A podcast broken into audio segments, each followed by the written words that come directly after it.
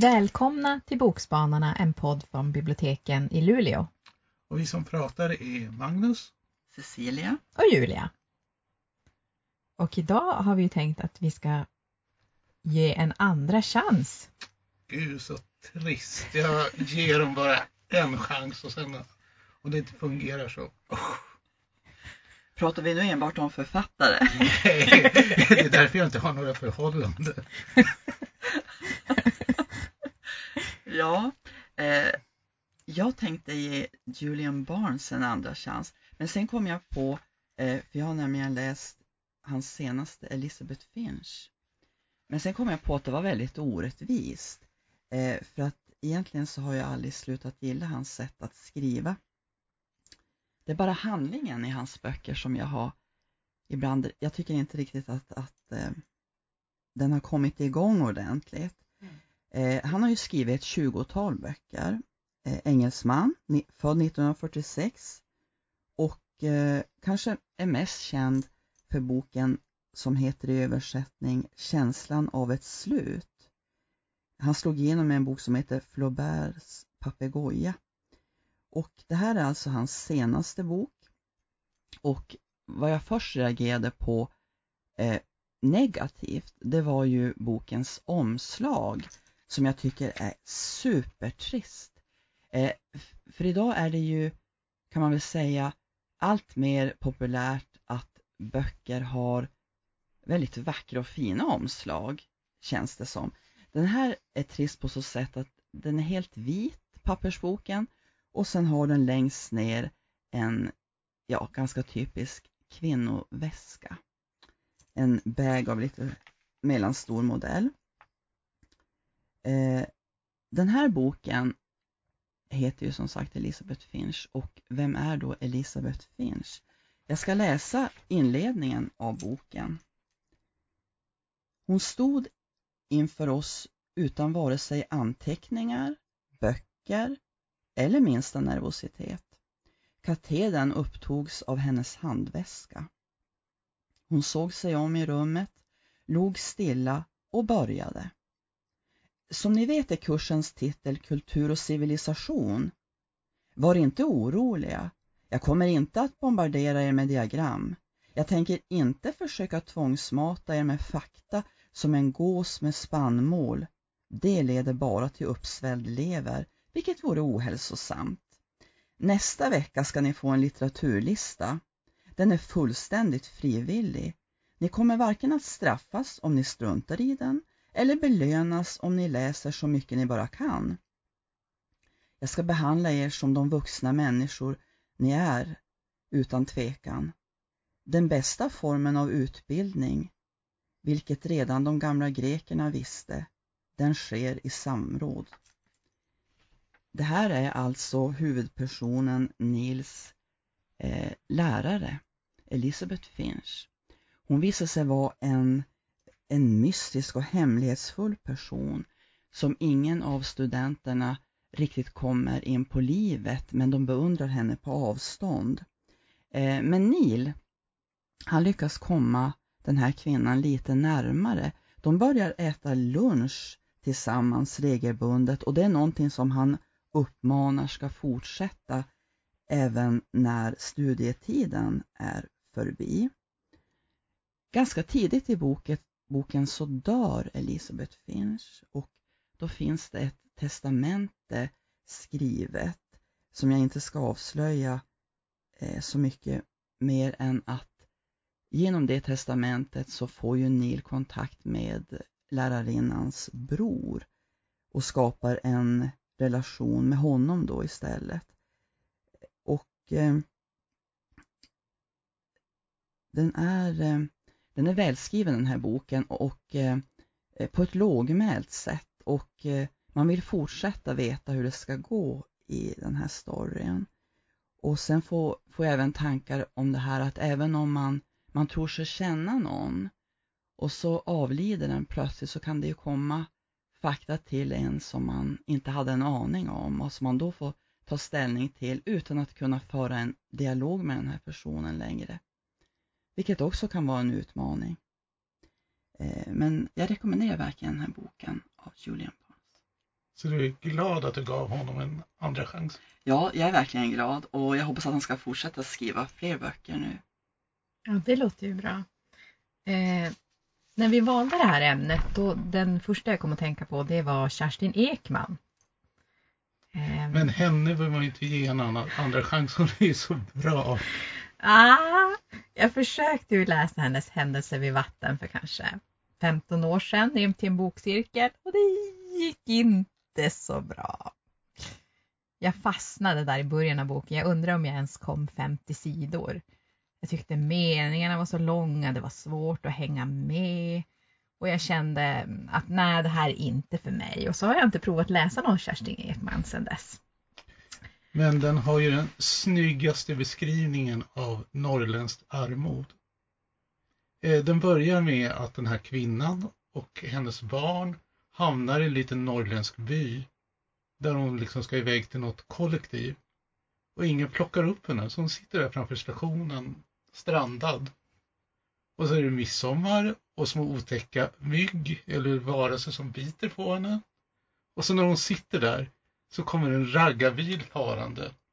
Och så öppnas dörren och ut ur raggarbilen så ramlar en kar som går fram till flaggstången, ger den ett karateslag så att den faller omkull, in i raggarbilen, iväg igen. Och så är hon ensam kvar där och vet inte vad hon ska göra. Jag måste erkänna, jag kommer inte ihåg någonting av de sidorna jag läste annat än att jag tyckte att det inte var för mig. Ja, så är det ju. Eller hur? Så då kände jag att ja men ska jag ge henne en chans igen då tar vi en ny bok. Så då tog jag hennes senaste här som heter Löpa varg. Och jag kan eh, berätta innan, det är inte en spoiler att berätta att det gick mycket bättre den här gången. Jag lyckades läsa hela boken. Eh, och i den här får vi då följa Ulf som snart ska fylla 70 år. Eh, och han är jaktledare sedan många år och han har tidigare jobbat på Länsstyrelsen. Han är gift med Inga och de bor i ett mindre samhälle i Jämtland. Och en dag när han åker upp sitt, sitt skifte så får han se spår av varg. Och han har en husvagn där och när han sitter i den så får han plötsligt se en varg på avstånd. Han håller sig helt stilla och tar upp en kikare. Och när vargen tittar bort, alltså han får se, plötsligt får se den genom kikaren på så nära håll. Och det är en stor hane och som ser majestätisk ut. Alltså, han vet inte hur länge han sitter där. Men det känns som att det är bortom tid och rum eh, som det uttrycks i boken och att eh, han kan inte förmå sig att berätta om den här upplevelsen för sin fru. Orden vill inte komma fram. Men det här mötet är som riktigt omskakande för honom och väcker till liv många tankar och känslor. Vad har jag gjort med mitt liv? Tankar om jakten, om jobbet. Skuldkänslorna för att flytta tillbaka till ett mindre samhälle när frun nog hade haft ett rikare liv i en större stad. Och han känner på något sätt av sin egen dödlighet. Um han lever sig med i vargens liv. Alltså som det känns som att han är med och jagar, att det känns som att vargen är en del av honom på något sätt. Eh, så det känns som att här finns det väldigt mycket att diskutera i en bokcirkel om mansrollen, vem är man när kroppen ger upp, eh, regler i små samhällen, vad händer när man bryter mot dem? Och slutet är väldigt eh, intressant i den här boken, så jag skulle jättegärna vilja diskutera det med någon som har läst den. Eh, spännande, alltid spännande att höra vad någon annan tycker. Eh, så jag kan rekommendera att ge en författare en ny chans. De kan överraska en. Mm. Eh, Kerstin Ekman överraskar alltid. Jag blev positivt Mm. överraskad. Jag hade tänkt att nu, nu kommer det säkert bli jättesvårt, men då är jag väl kanske en annan läsare än jag var då. Så här är det ju här en annan bok. Mm. Så att jag eh, rekommenderar absolut att läsa Löpa varg. Men du är ju så ivrig att ge människor andra chanser så jag tycker det ser ut som du har en bok till. Nej, utan den kommer på... Den kommer senare. Den kommer Asch. Men du då Magnus, vem har du gett en andra chans? Egentligen skulle jag kanske prata om den boken som du ska prata om senare, men det får vi svara till ett annat avsnitt. Ja. Eh, jag har inte tid att ge så författare andra chanser för jag ser på TV. Och TV har verkligen förstört mitt läsande. Oj, oj, Oj. En gång fick jag den där eh, underbara idén att jag ska läsa böckerna som tv-serierna jag ser är eh, baserade på. Och det är så många tv-serier som är baserade på böcker. Så jag är helt upptagen med det så jag hinner inte med något annat. Än när jag ser på tv förstås. Och en av de gräsligaste saker jag sett på tv, och det gjorde jag faktiskt för två veckor sedan, det är en serie på SVT som heter Dödligt kapitel. Det måste jag ha missat. Eh, det är en slags dubbeldäckare som dels utspelar sig på 40-talet med den Agatha, eller Hercules Poirot-liknande tyska detektiven Atticus Pund. Och då skriver är det till och med ett litet omlåt ovanför huvudet. Och det är alltså två små prickar. Och det vet ju alla som känner till svenska deckare, Nordic Noir och Lisbeth Salanders värld. Att det är med att ha tecken i saker, det är liksom, har varit det trendigaste. De har, de har till och med skrivit en eh, satir över Lisbeth Salander i The New Yorker så, som var, hette The Girl with the Omloads. Och, nej, nu kom jag ut på en annan spår, men det är i varje fall det är en av de roligaste sakerna jag har läst. Alla har sådana här långa krångliga namn med små åsaker och alla adresser är 16 bokstäver och sådär. Men för att gå tillbaka till Dödligt kapitel, vad jag inte tycker om med den, det är namnet. Hur kan man kalla en deckare för Dödligt kapitel?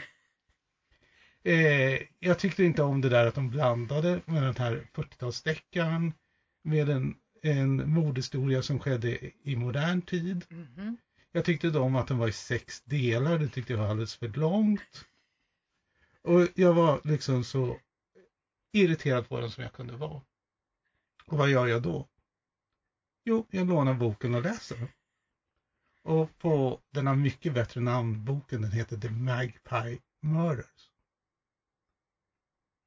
Och den är då en, som sagt en dubbeldäckare. Dels är det den här pastischdeckaren den här eh, Poirot-liknande tyska detektiven utreder en mord i en eh, brittisk liten by.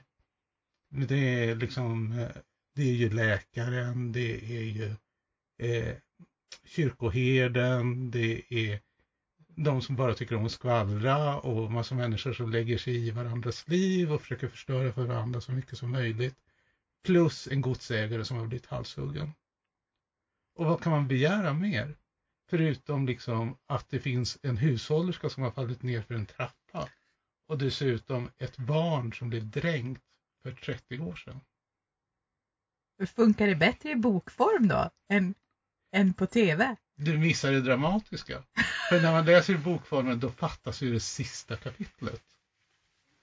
Så den eh, slutar precis innan Atticus, eller precis när Atticus just har samlat alla i salongen ska berätta vem mördaren är. Och då slutar den. Och då slutar den.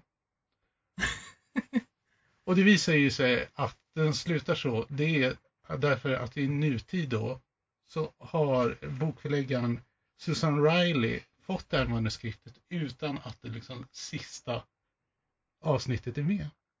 Eller sista kapitlet.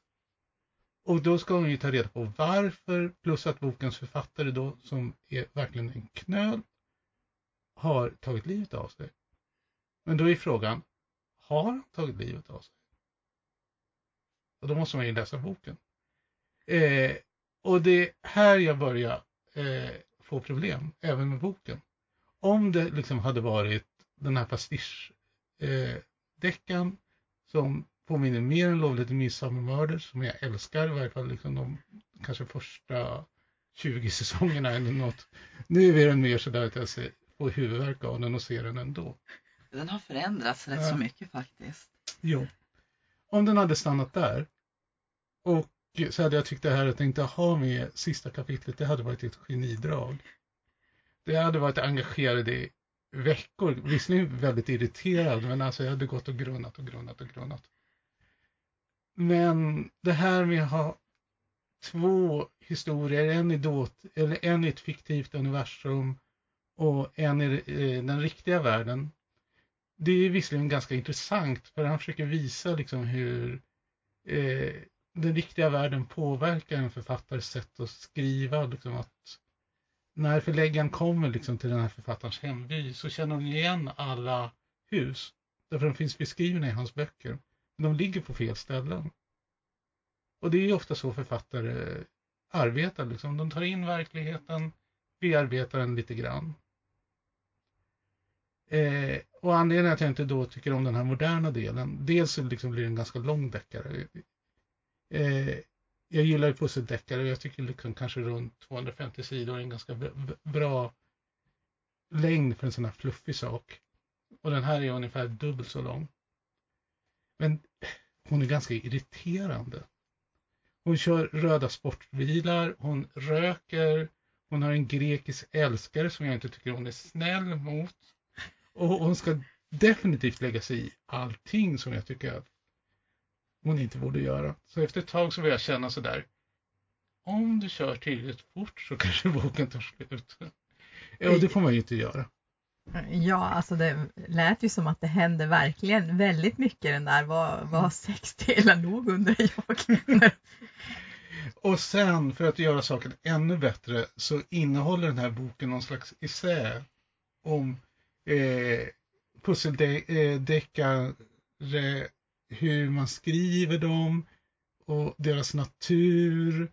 Och den är i och för sig ganska spännande i början när de liksom helt plötsligt säger sådana här saker. Ja, den gyllene regeln för pusseldeckare, det är ju att det är alltid den som är minst trolig som är mördaren. Då tänker jag, ha, om de skriver det nu, då kan det ju inte vara den som är minst trolig som är mördaren i den här. Är det då den som är näst mest rolig? Men tyvärr så blir det också lite mycket. Det går in i någon slags moralisk debatt om varför liksom eh, folk liksom konsumerar mord som underhållning. Och jag tycker inte att författarna har tillräckligt mycket att säga.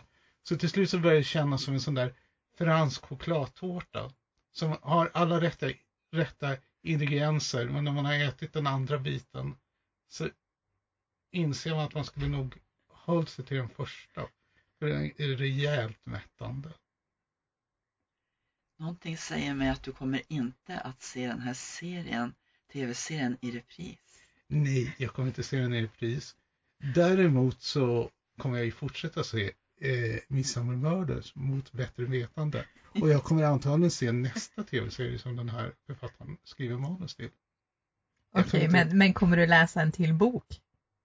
Eh, han har skrivit ganska mycket. Så jag tror inte att jag skulle eh, läsa en bok med Susan Ryland i huvudrollen. Men han har skrivit en del James Bond-pastischer som jag kanske skulle kunna läsa. Och en del eh, sådana här young adult-böcker som jag har funderat på. Absolut, men skulle vi kunna säga att det är ju ändå ganska bra att ge någon en till chans, eller det verkar ganska framgångsrikt. Jag är väldigt kliven. Första delen tummen upp, andra delen tummen ner. Absolut, men det var inte slätstruket i alla fall. Definitivt inte slätstruket. Eh, överväldigande. Absolut, men då kan jag ju berätta att jag tipsar om Löpa varg av Kerstin Ekman. Och jag tipsade om Anthony Horowitz, Magpie Murders. Och jag tipsade om Julian Barnes senaste bok, Elizabeth Finch. Tack så mycket allihopa. Ja. ja hej då. Hej då. Hej, hej.